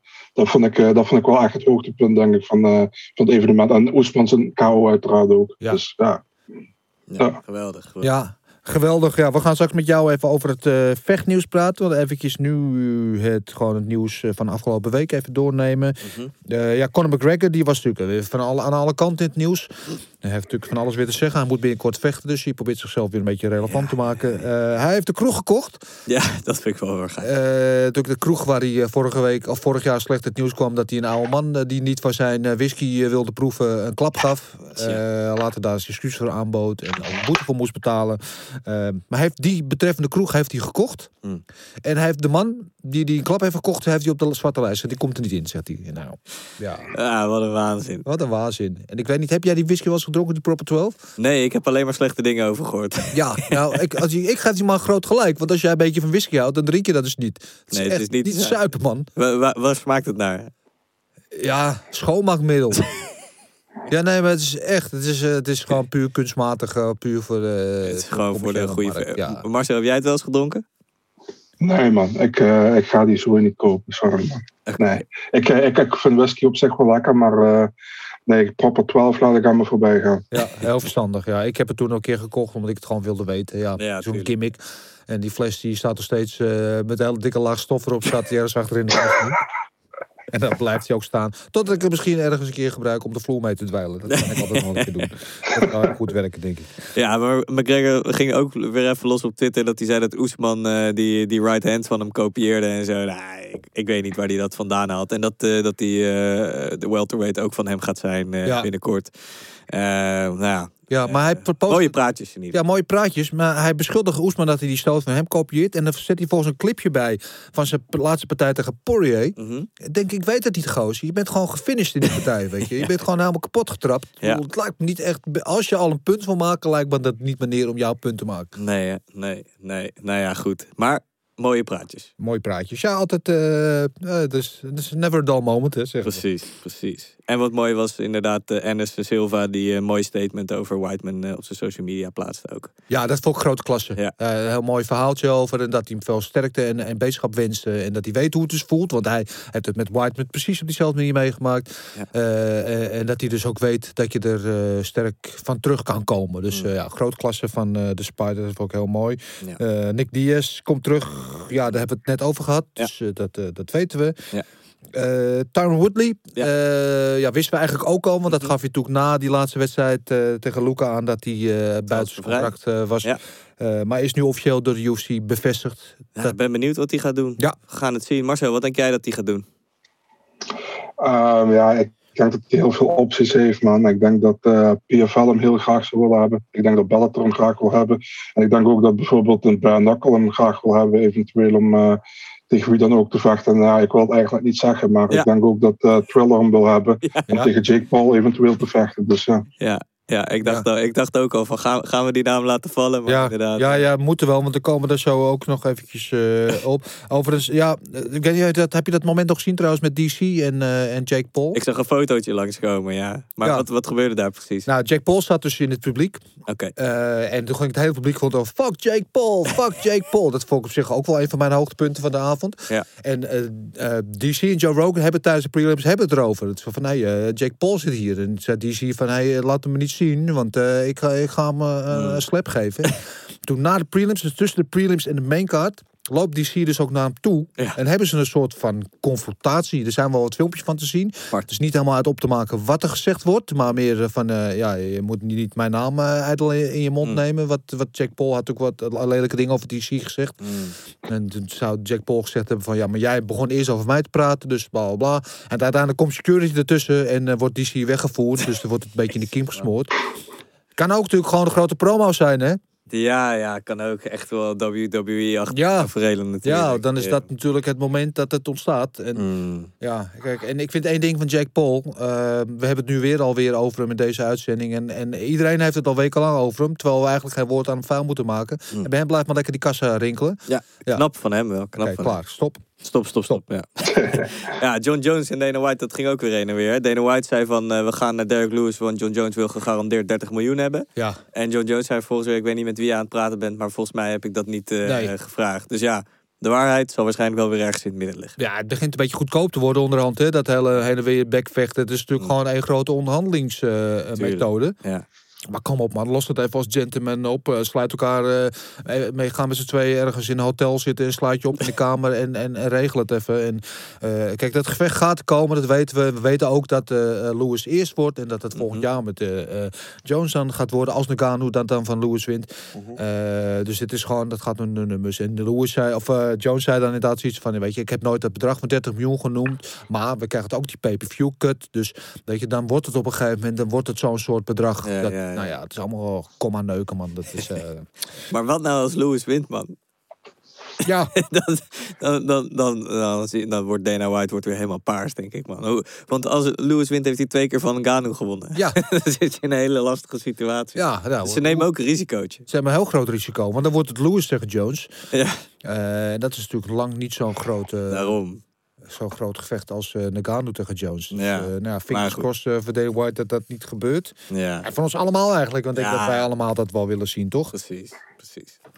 Ja, verder een nieuwtje even uit eh, eh, de coulissen van de UFC. Pearl Gonzalez, natuurlijk eh, onder andere bij UFC gevochten. eh, die heeft bij Bare Knuckle eh, Fighting Championships getekend. Mhm.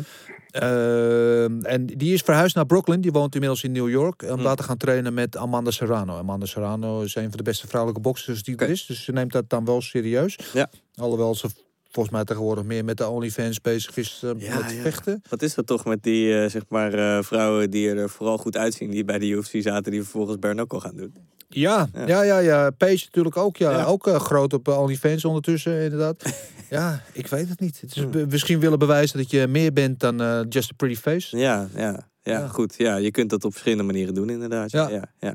Ja, Kijk eh, toch liever naar hoe Rose dat heeft aangepakt. Maar ja, goed. Ja. Dat is natuurlijk ook talent. eh. Ja, eh, en over Ben Knuckle gesproken. Eh, onze eigen Street Jesus, waar we het net inderdaad over hadden, Masvidal, die is zijn eigen MMA-organisatie begonnen samen met eh Annual AA. Hm. Dat is een rapper. Oké, Ja, en dat ken ik niet. nee, ik ben ook niet zo bekend met hem. Marcel, jij? Geen idee, man. Nooit van gehoord. Nee.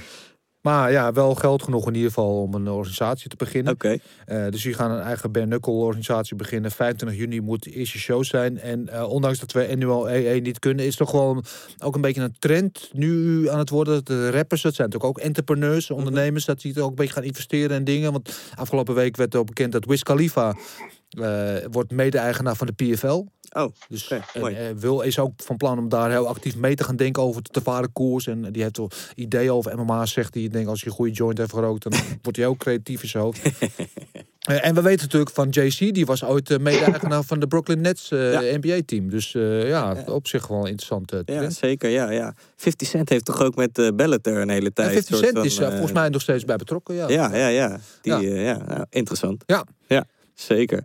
Nou, inderdaad, er was natuurlijk ook veel kritiek. We hebben het er al even over gehad op Joe Rogan over het interviewen van vechters die knock-out waren gegaan. ja, ja, ja, terecht. Nou, we ja, net ja, heb, eh, ja eh, Dan en Dustin hebben we het over gehad. ja.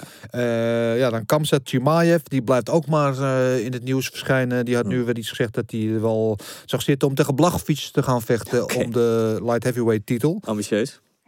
Ja, kijk, hij vecht natuurlijk al een beetje in twee divisies, eh, welterweight en middleweight. En Ja. het, hij zegt zelf, het maakt hem niet zoveel uit. Ik zou zelf zou hem het liefst in die welterweight zien. Ik denk dat hij daar een grotere kans heeft om, eh, om the way naar de top te gaan. Maar, eh, maar hij, zegt, hij traint in Zweden natuurlijk onder andere met Gustafsson en Ilya Nativi. Oh, ja.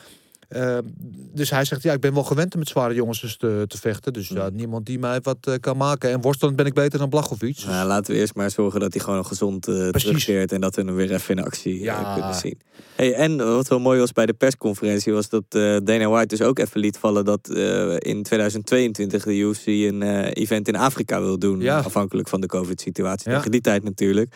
Ja, dat, dat, dat viel natuurlijk al eerder met de verschillende Afrikaanse kampioenen nu dat het geweldig zou zijn. Eh, nou ja, ja ik, ik, ik weet niet eh, of we het kunnen gaan bolwerken, maar ik vind dat we daar dan gewoon heen moeten gaan. Man. Of het in, in Nigeria of Zuid-Afrika of whatever, dat lijkt me echt waanzinnig als Ja. we dat gaan doen. Ja. ja. Ja, en ook daarom is het natuurlijk van belang dat Nagano dan nog kampioen is. Ja, ja, zeker. Maar die, eh, alle drie die kampioenen die nu kampioen zijn, die zijn dan in ieder geval staan nog op het roster. Dus je kunt ze in ieder geval eh, optrommelen. En het zijn ook allemaal actieve vechters, weet je. Ze, ze, ze, ze, keren graag en vaak die kooi in. Dus ja, ik, Ja. dat gaat wel vet worden. Ja, en het is natuurlijk het enige continent waar ze nog geen eh, voet aan de grond hebben. Hè? Daarom. Ze zijn natuurlijk in Australië, Azië, Zuid-Amerika, overal eh, geweest. Overal geweest, ja. Ja. Ja. Ja, interessant. Ik hoop dat het eh, zou ook een enorme boost zijn voor de sport in het algemeen in Afrika. Als dat dan daadwerkelijk gebeurt. Dus mooi. Ja man, zullen we gaan matchmaken? Ja, eh, ja, laten we het doen. Eh, ook Marcel horen we jou graag hierin. Eh Oesman als eerste. Ja, ja, Hij werd ook, ja, Colby hè. dat lijkt mij maar één route. Dat is Kobe. Dat was in mijn ogen al de partij die voor Masvidal gemaakt had moeten worden. Mhm. Dus dat lijkt me de enige rechtvaardige beslissing als dat nu gebeurt. Behalve, ja, dat is één ding wat erbij komt. Als ik denk, als we dan inderdaad Oesman in die eh GOAT-discussie willen trekken. Want Mhm. wie staan er in die GOAT-discussie? zijn ook gasten die gewoon eh, naar de andere gewichtsklasse gaan en daar dan ook de titel pakken. Mhm. Of de superfight pakken tegen een, weet je wel. Eh, dus misschien is dat ook wel, maar ja, hij is te groot voor lightweight. Dus zou, die- moet hij naar middleweight. Ja, en tegen Adesanya gaat hij niet vechten. Dat zijn natuurlijk eh, vrienden Afrikaanse broeders. Mm. Dus, eh, Ingewikkeld. hè? ja, ja, ja. Misschien dat ze wel eh, St. Pierre eh, nog voor het juiste bedrag uit de mottenballen weten te Ja, trekken. Alhoewel ik denk niet dat hij dat gaat doen. Hij zei laatst ook bij Joe Rogan dat hij zich nu echt officieel als Precies. vechter af beschouwt. Eh, dat zou misschien nog wel kunnen, maar anders is het wat mij betreft gewoon Kobe. Marcel, wat denk jij? Ja, man, 100% Colby Covington. Was ook gewoon een close gevecht. De eerste keer was 2-2 met de ingang van de vijfde ronde. En uh, Oesman heeft hem uiteindelijk gefinished in de vijfde ronde. Maar ja, 100% Colby, man. Dat is het gevecht om te maken, denk ik. Ja, ja zeker. Gaan we doen met Masvidal? Ja, uh, ik wil even terugkomen op iets waar we het net over hadden. Mm. Dat was natuurlijk de terugkeer van Nick Diaz. Ja. Die heeft ooit gezegd van, Ja. ik wil mijn broer wreken. ik ga die BMF-titel van je afpakken. Dat is waar, man. Als we het net hebben over Masvidal, dat we zeggen van hij is niet meer in die title eh, range, weet je Mhm. wel. Dat, eh, moet, hij moet voor de money fights gaan. Ja, eh, wat is een grotere money fight op dit moment voor hem, die niet voor de ranking belangrijk is, Mhm. dan een Nick Diaz. Nick Diaz, tegen wie ga je hem anders zetten op dit moment? Ja, nee, het is een goede optie. Ja, ik dacht meer aan Nate. Gewoon eh, ongeacht wat hij tegen eh, Leon gaat doen, zou ik die, dat gevecht prima nog een keer willen zien. Ja, ook natuurlijk gewoon big money fight, waarvan in ieder geval Nate na afloop zei dat hij nog wel even door had kunnen gaan. Ik denk het niet. Maar ja, nog steeds, het was gewoon, het was wel, wel leuk om naar te kijken. Marcel, wat denk jij voor Masvidal als volgende partij? Ja, ik zat letterlijk ook dik of nee Diaz te denken. Ja. Dus ik heb eigenlijk niks aan toe te voegen. ja dus een van de Diaz brothers. Ja, van de rest krijgen we misschien eh, eh, Wonderboy Thompson, zat ik aan te denken, zou misschien een leuke pot voor hem kunnen zijn. Maar Hmm. die eh, gaat nu tegen Gil Burns. hè, En die, Klopt. eh, als hij die wint, zal die natuurlijk richting de titel willen. Wat ik overigens voor Oesman ook nog wel een interessante matchup zou vinden. eh, qua stijl, eh, Hmm. nog wel maar goed, dat is toch ver weg. En Oesman wil actief blijven, dus dat eh, duurt waarschijnlijk te lang. Ja. En ehm, Ja. ja, ja, Masvidal tegen een van de Diaz eh, brothers. Ja. Ja. die, nee, Diaz gaat nu natuurlijk tegen, tegen Leon Edwards. Precies, ja. Eh, wat hij waarschijnlijk gaat verliezen. Daarom. En daarna zou het... Eh, maar zou die, stel dat hij dat zou winnen, dan gaat hij natuurlijk om een title shot schreeuwen ook. ja, ja, ja. ja, ja. Eh, dus het, ja. dan niet. Dus ja, ik, ik ja, ja. Diaz, Diaz of Diaz. Ja, precies. DS of DS. Ja. En Rose, wat gaan we met Turk Rose Oh, doen, your girl. ja, man. Hoe heet het? Op de persconferentie na afloop had eh, Dana White het al over eventueel een rematch meteen te doen. Nou, vind ik dat als, als iemand in de eerste ronde op die manier knock-out gaat, vind ik dat een beetje apart. Om dan een, eh, dat vind ik bij een, een, een beslissing die eventueel discutabel genoemd kan ja, worden. of weet close je? fight. Gewoon, Precies, ja. Maar in dit geval zou ik dat niet zo vinden. Nee, eh Esparza die vecht tegen Jan. Die eh Chinese ook, die al, ik weet niet hoe lang niet verloren heeft. Ja, en Esparza heeft natuurlijk ooit van Rose gewonnen. Ja. Ze zit ook op een drie of vier fight winning Klopt. streak. Dus ik denk dat de winnaar van die partij zou gewoon terecht de nummer één contender zijn. Marcel, wat denk jij ervan? Ja, weet je wat dat is, man? Dana is gewoon geïrriteerd omdat Roos gewonnen heeft. Want hij had gehoopt dat Weili zou winnen. Dat hij dan eventueel de winnaar van Jan Xiaonan tegen Esparza had. Hij gehoopt dat het Jan zou zijn. Dat hij de Chinese tegen Chinese kon zetten. Ja, precies. Dat hij een eh, dikke, dikke fight daar eventueel in China kon neerzetten of eh, omstreken. Ja. Dus ehm, ja, ik ben het met je eens, man. Ik denk dat, eh dat Rose moet vechten tegen de winnaar van Jan Xiaonan tegen Carla Esparza. En dan kun je eventueel Weili Zhang tegen Joanna zetten in een rematch. Ja. Ja. Ja, ja, ja. Nou, inderdaad, daar zitten we. Wat denk jij, Dennis, trouwens? Ja, ik denk eh, eh, hetzelfde inderdaad. En, eh, maar stel dat eh Jan Janan wint van Carla Sparsa, dan kan ze inderdaad tegen Rose. Eh Krijgen we weer, Sparsa, dan krijgen we de rematch. En dan kunnen we bijvoorbeeld Jan Janan tegen, tegen Weili Zhang zeggen. Dan heb Oh, je ja. ook een groot Chinees gevecht. Kan je alsnog die doen, ja. ja. Nou, maar laten we het dan meteen over Weili Zhang hebben, inderdaad. Van wat we met haar gaan doen.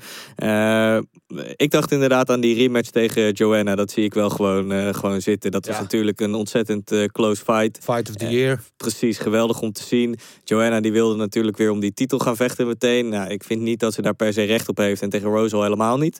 Dus ja, ik, ik vind dat eigenlijk wel een eh, goede optie voor haar. Ja. Ja, Ja. ik vind het ook wel een, eh, een goede optie voor haar, inderdaad. Eh, want inderdaad, die immediate rematch. eh, ik snap inderdaad wel waarom Dana dat wil. Mhm. Maar ja, gezien het feit dat ze met zo snel knock-out is gegaan. Mhm. argument wat je daarvoor kan maken is natuurlijk ook van... ja, we hebben eigenlijk niet gezien wat ze kon doen. Want ja, iedereen kan een keer geraakt worden. Kan ook, Mm. ja, toeval bestaat niet. Maar ehm, weet je, we hebben niet gezien wat er uit die wedstrijd zou kunnen. Want iedereen was van tevoren behoorlijk hyped over deze wedstrijd. Zeker. En hij leeft wel op naar de verwachtingen. Maar we hebben eigenlijk niet gezien wat ze bij elkaar zouden kunnen doen. Omdat het zomaar zo kort was. Ja, ja. Dus dat verlangen blijft altijd wel leven. Maar ik denk dat moeten we voor een latere keer bewaren. Dat, eh, dat Precies. komt ooit nog wel een keertje. Niet nu al. inderdaad. Eh, eh, weet- je waar ik eh, aan zat te denken ook? Ehm, ehm, voor Wiley onder eh, Mackenzie Dern.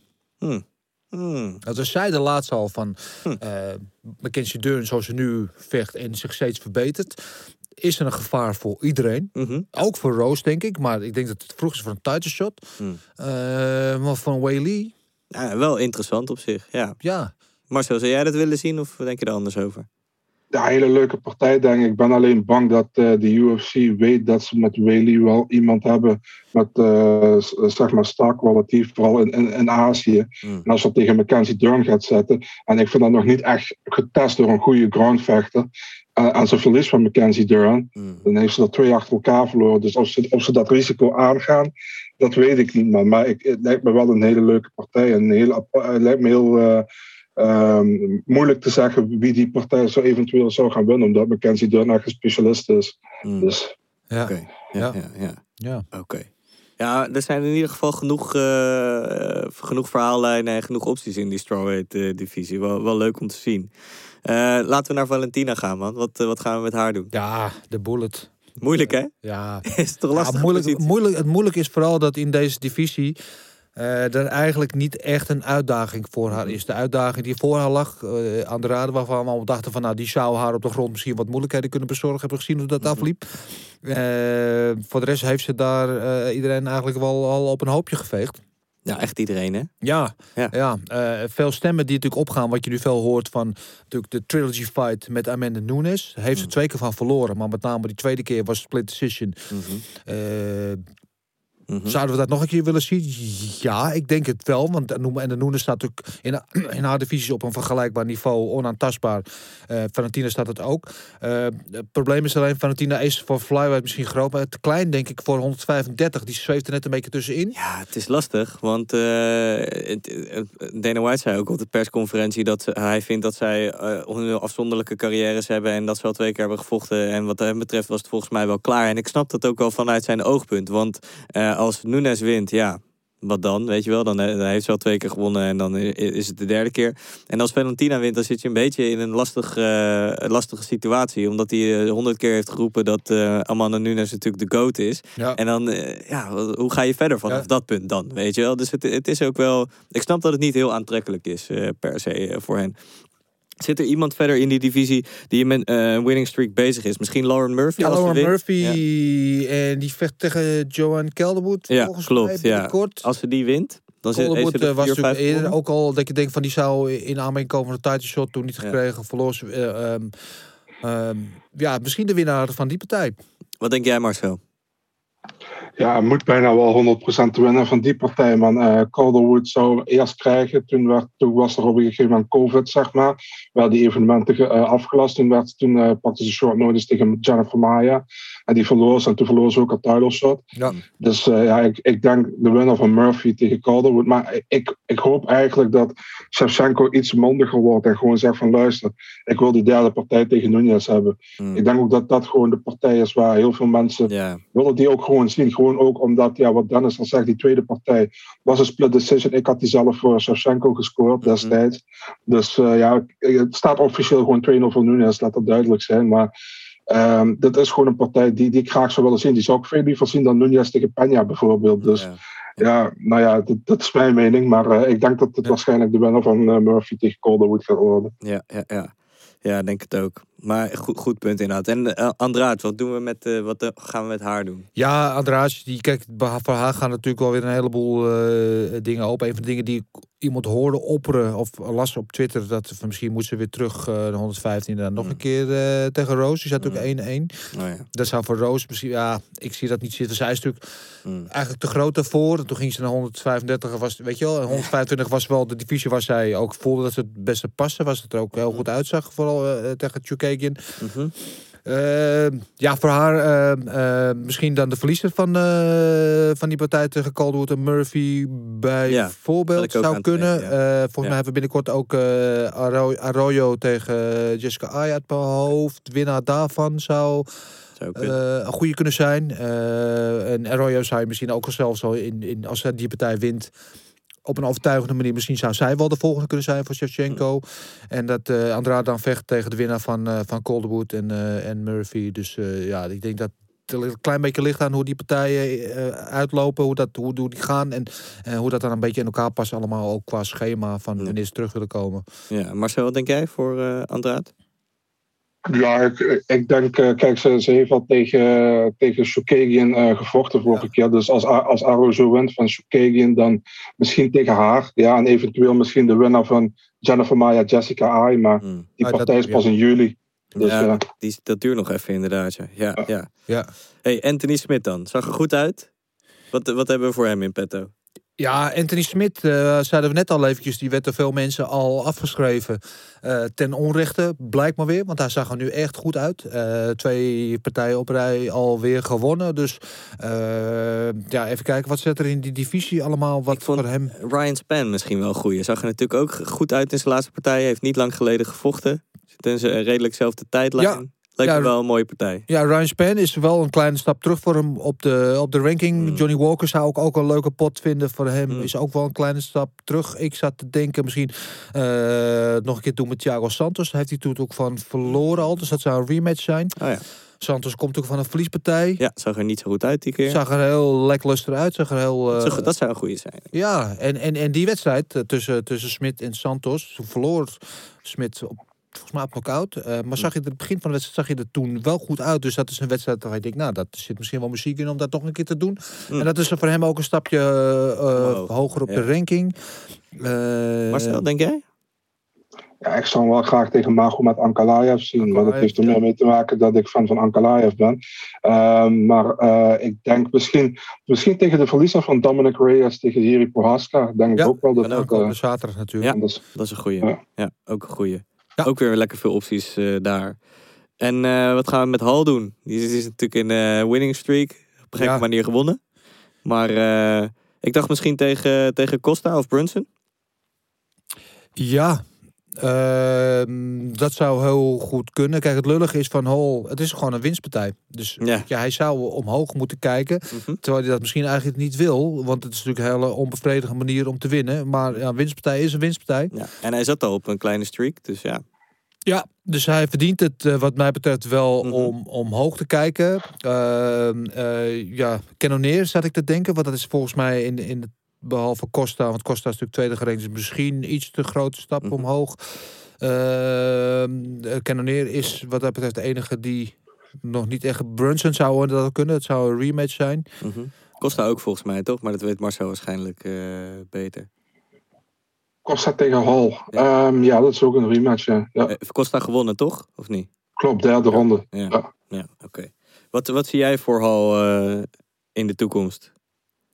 Marcel. Ja, ik, ik denk een rematch van acht jaar geleden zou heel interessant zijn van Ultimate Fighter finale tegen Calvin Gastelum. Ah, Ja. Ik denk dat dat een eh, leuke partij zou Leuk. zijn. Ze staan ook kort bij elkaar, dus Leuk man. Ja. Ook weer veel opties. Ja, dat is wel een mooie. Calvin Gastelum natuurlijk, Ja. die eh verloor van Whittaker, maar eh, als, als een winnaar verloor. Laat- mag- Ja, kan je dat ja. zeggen? Kan je als een winnaar? Hij verloor voor gewoon een goede wedstrijd. Hij had gewoon een betere man tegenover zich. Ja, viel in ook nog. Dus ja, ja ver- verdient misschien wel wat. Nice. Ja. Nou, een heleboel hele leuke opties weer. Eh, Marcel, wat voor een eh, partijen zijn er aangekondigd? eh, heb jij op je lijstje staan? ja, ik heb er maar drie deze week. Er zijn wel twee main events bij, dus ja, wel interessant. Laat beginnen met uh, Rozenstruik, Biggie Boy tegen Augusto Sakai op 5 juni, main event. Ja, mooie partij denk ik voor Ja. hem. Ja. Biggie Boy natuurlijk komt van die verliespartij tegen Cyril Gaan. Eh Sakai van Overheen verloren. Kai van Overhem verloren. Dat geldt natuurlijk als een belofte ook in die divisie. Ja. Ja, mooie pot. Twee heavy hitters ook. Precies, dat wordt eh, een goede beukpartij denk ik. Wat verwacht jij van die partij Marcel? Ja, ook. Ik denk uh, dat uh, Biggie Boy sowieso uh, qua stand-up de overhand hier heeft. ik denk ook dat hij hem staand moet houden. Ik denk dat Sakai wel gaat proberen om naar de grond te brengen. Maar ik denk dat Biggie Boy, dit is wel een partij die hij moet kunnen winnen. En dit is ook een partij die hij eigenlijk wel moet winnen, denk ik. Om, ja. ja. die moet hij winnen. Dus ja. Ja, ja dat is altijd wel heel erg uit de laatste keer. Ja. Oké, okay, wat heb je nog meer Marcel?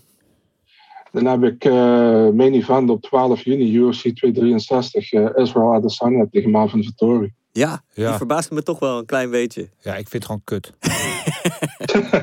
ja, sorry. Ja, ik begrijp het wel. Ik begrijp het wel. Ja. Uh, maar we willen natuurlijk allemaal Whittaker tegen Adesanya uh, zien. Maar uh, kijk, 12 juni, ik weet niet of het is aangeboden aan Whittaker. Maar ik kan me voorstellen dat Whittaker heeft gezegd, ja, dat is met te snel. Het was ook wel snel, ja. Ja, Ja. was snel voor hem, ja. Ja, Ja. die tijd, wat, wat wat dat betreft liep die tijdlijn tussen Adesanya en Whittaker niet helemaal eh, lekker natuurlijk. Nee, dus eh, ik kan er vrede mee hebben als ze vervolgens zeggen van Whittaker sowieso de winnaar. Ja, precies. Ja, dat, ik denk wel dat dat eh, is hoe ze het Dat- gaan doen. Dat zo is. Want kijk, ik ben om één ding ben ik wel blij dat ze niet Darren Till toch hebben genomen. Waar Mhm. Adesanya het meeste oren naar had. Mhm. Maar dat was wel echt gewoon... Dat was echt gek geweest, ja, ja. Die komt van een verliespartij, laatste partij niet doorgegaan. Dus dat, ik kan er wel mee leven. Maar Ja. ja, Ja, ja, ja, ja. Marcel, wat denk jij van die partij? Ja, Dana heeft gezegd dat de winnaar van deze partij tegen Robert Whittaker gaat. Dat Whittaker die partij ook aangeboden heeft gekregen. Maar dat niet kon in verband met dat hij eh, moest herstellen van zijn gevecht. Maar weet je, wat, weet je wat het is? Als Dana zegt van eh, ik heb het aangeboden en de winnaar krijgt tegen, mag tegen die. Dan ga je er 9 van de 10 keer vanuit dat het juist niet gaat gebeuren. dus maar eh, ik hoop dat het wel gebeurt wat ik van deze partij denk. Ik denk dat het wel een goede partij is eerlijk gezegd man. Uh, Vittori heeft het de eerste keer Adesanya moeilijk gemaakt. Ja. En eh Vittori is echt gegroeid vind ik. Adesanya uiteraard ook. Dus ja, ik ben wel benieuwd man. Ja. Ja, nee, dat is wel waar. Het is in ieder geval een mooie partij inderdaad. En dan eh, gaan we ervan uit dat Whittaker daarna gewoon eh, toch aan de beurt is. Ja. Laten we alsjeblieft hopen dat Dana White zich aan zijn woord houdt eh, voor deze ene keer. Ja, en laten we hopen dat eh Adesanya wint. Want ik ben wel heel nieuwsgierig. Niet dat ik het Vittori misgun, maar ik ben wel heel nieuwsgierig naar de, De rematch. rematch. Precies. Oké, en eh, je derde gevecht dat je op je lijstje had staan, Marcel? Ja, 19 juni, Marlon Chito Vera tegen Davy Grant. Ook een rematch. Oh, Eh, ook. ja, ook een leuke partij. Ja, Ja, dat belooft op vu- voorhand ook wel vuurwerk te worden, Zeker. denk ik. Ja, ja mooi. Eh, ik wil eh, heel even terug trouwens naar Masvidal, net naar het matchmaker. Schoot mijn ding te binnen. Mhm. Ja? Ik zit nou even in die ranking te kijken Ja. van Masvidal. Als we het hebben over we moeten money fights en zo. Kevin Holland. Ah ja. We hebben natuurlijk allemaal gezegd, Kevin Holland moet terug naar die, naar die 170. ja. ja? Eh, Kan ook gewoon, ja. Ja, ja. Ja, hey, eh, luister, die, die beeld-up zou gewoon sick zijn. en één ding weet je zeker, dan wordt het geen worstelpartij. Want daar gaan we in ieder geval vanuit. Nee. Wat voor Holland ook wel een keertje fijn zou Ja, zijn. dan wordt het gewoon knallen en, en, en lullen tegen elkaar en zo. Ja, dat is eigenlijk wel een leuke pot. Maar goed, Die beelden zou al geweldig zijn. schoot me nog even te binnen, dus Ja, ja. die wou ik nog even kwijt. Maar ja, volgend weekend Gokken? eh, UC fake. Gokken op, knokken! ja, dan gaan we weer kijken of we weer een beetje geld kunnen verdienen. En natuurlijk eh, eeuwige roem hier in deze rubriek op eh Ja. UFC Vegas 25. Mm. Eh, main event Dominic Reyes tegen Jiri Prochaka. Op zich een heel mooie pot, denk ik. Zeker. Eh, Zin in. Cup Swanson tegen Giga Chikadze, ook een mooie pot. Dion Kutalaba tegen Justin Jacoby. Mm. Sean Strickland tegen Christoph Jotko. Ook interessant. Eh, Mirab Devashvili tegen Cody Steinman. Eh Poliana Botelho tegen Luana Carolina. Dat is dan de main card. Ehm, ja, laten we qua gok op knokken even de drie eh, bovenste doen. Ja. En laten we maar beginnen met de main event. Reyes tegen Prochaska. Ja, interessante partij, man.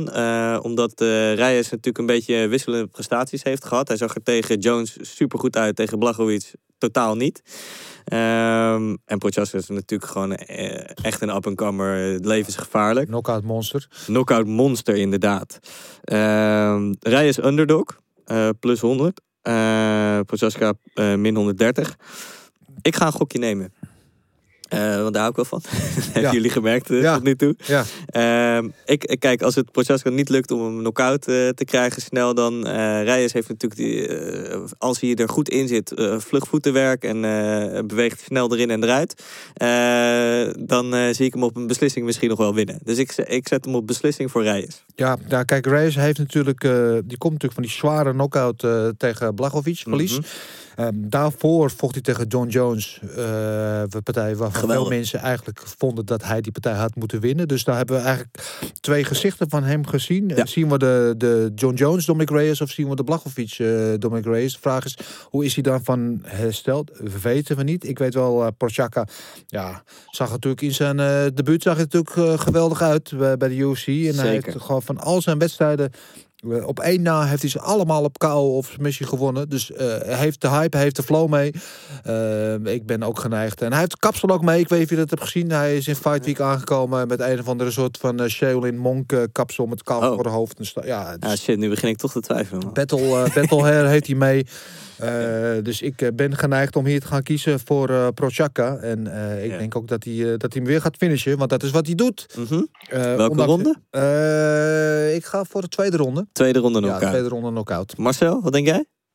Ja, maar met zijn tongpo-kapsel. Ja, precies ja. Eh, ja, ehm, nee man, ik ga ook voor Prohaska. Ik denk dat hij hem knock-out gaat. Ik denk dat hij dan de eerste ronde doet. Dus ehm, Nou, ja, ik denk... eh, dat is een dus, goeie.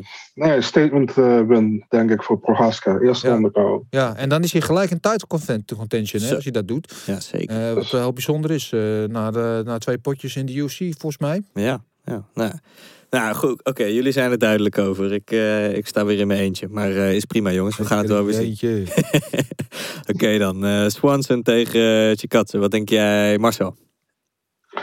Ja man, ehm, Cup heeft de laatste paar gevechten wel, eh, wel sterk gedaan, moet ik zeggen. Eh echt een beetje toch wel buiten verwachting vond ik van Cup. Iets, eh, altijd wel een goede vechter, maar hij, was wel iets buiten zijn prime, vind ik. Ehm, maar deed het goed in zijn laatste partijen. Nu tegen Giga Chikatse.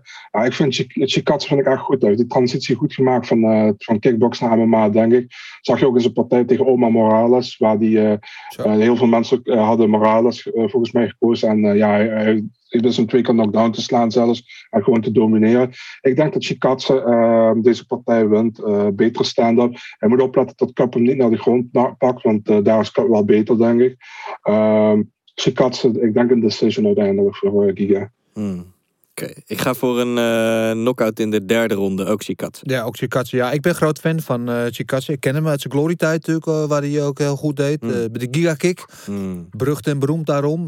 met die karate-stijl. hij heeft ook die karate-achtergrond. En ja, vijf, vijf partijen op rij gewonnen nu in de UFC. Dus hij is ook wel een soort van de, de coming man. En dit is voor hem wel een beetje zijn, zijn breakthrough gevecht. Hij, hij heeft natuurlijk vijf op rij is al geweldig. Maar Cap Swanson is natuurlijk een veteran of the game. Grote naam. Grote naam. Dus als hij deze wint, dan kan hij wel eens alle spotlights eh, op zich krijgen. Dus de vraag is, hoe gaat hij om met die druk? Kan hij dat aan? Is hij er klaar voor, voor het grote werk? Ja, ik denk het wel. Eh Cap Swanson, zoals gezegd, is natuurlijk geweldig. En inderdaad zal hij op de grond misschien eh, de bovenhand hebben. Maar ik denk dat Cap Swanson het ook wel staand gaat houden met hem. Zich wil bewijzen dat hij als oude hond... Dat kan met zo'n jonge, ja, jonge opkomer als uh, Giga Dus, eh, en, en staand heeft Kikatse gewoon sowieso de, de bovenhand. Dus ik denk dat hij het gaat winnen. Cap Swanson is, ja, of hij eruit te krijgen is, ja, ik denk het eigenlijk ook wel. Dus ik ga voor een eh, derde ronde KO of eh, TKO voor Giga. Alright, helder, helder. En dan Kutalaba tegen Jacoby Dennis. Wat denk Ja, jij? nog een eh, Glory-veteraan. hè. En eh, natuurlijk het verhaal van eh, Dustin Jacoby was natuurlijk geweldig. Eh, was ooit in de UFC. Verloor toen twee op een rij. eh, onder andere van eh, Chris Camosi. Wat daarna beste vrienden waren. Gingen samen trainen. Werd de UFC uitgetrapt. Ging toen een beetje zwerven. Eh World Series of Fighting gezeten. Bellator gezeten. eh, kwam bij Glory terecht. Toevallig. Want hij was helemaal geen kickboxer. Kwam daar en eh, deed het blijkbaar heel goed. Twee keer om de titel gevochten zelfs. Twee keer verloren wel. Maar ja, toch voor een niet-kickboxer wel een goede prestatie. Via de Contender Series weer in de UFC gevochten als comeback kid. En daar nu twee keer op een rij gewonnen. Ja, mooi verhaal. Ik heb eh, ja, sympathie voor de man. Ik mag hem, eh, ik mag hem heel graag al- als mens, maar ook als vechter. En eh, ik zie ook wel de winst voor hem. Hij staat op plus 140 als de underdog. Eh, in deze partij tegen Joon Kutalaba, wat natuurlijk wel een geduchte tegenstander is, maar een beetje wisselvallig. En ik wel, andere keer niet. Mhm. Eh, laatste tijd is het eh, eh, vaker niet. Ehm, dus Mhm. ik, ik ben wel bereid om Justin Jacoby hier te kiezen. Ik denk niet dat hij hem eruit krijgt. Maar ja, Jacoby is taai en, en durable. En ik denk dat hij hem naar een beslissing vecht. Ik vind het een goed verhaal. En ik had ook beslissing voor Jacoby. Dus ik ga erin Heel lang verhaal voor mij, ook kort verhaal voor jou. ja, precies. conclusie. Ja, precies. Marcel, wat denk jij? Oh, dat was lekker saai op deze manier. Ehm, ja, ik, ehm, weet je wat het is met Kutilaba, man? Hij heeft altijd maar cardio voor één ronde. En eh, als hij dit in de eerste ronde doet, dan, eh, dan is hij meestal kwijt. En Jacoby ehm, heeft in de vorige partijen laten zien dat hij wel gewoon een goede cardio heeft voor drie rondes lang. Eh, ik vond niet dat hij zijn vorige partij gewonnen had, maar goed, het was, eh, was close destijds. Ja. was wel een unanimous volgens mij voor, maar ik vond het close. Ik had hem eigenlijk voor de tegenstander, maar ja, stars make fights zeggen ze. Ik denk dat Jacoby eh, moet zorgen dat die eerste ronde doorkomt. Maar dat kan hij gewoon met, zijn, met afstand houden bij, op Kutilaba. En eh, ik verwacht ook dat hij een decision wint. Dus eh, ja, ik ook voor Jacoby. Nou, wat een harmonie. Ja, wat een harmonie. Harmonieuze einde van deze aflevering. Ja, hoe noemen we onze boyband?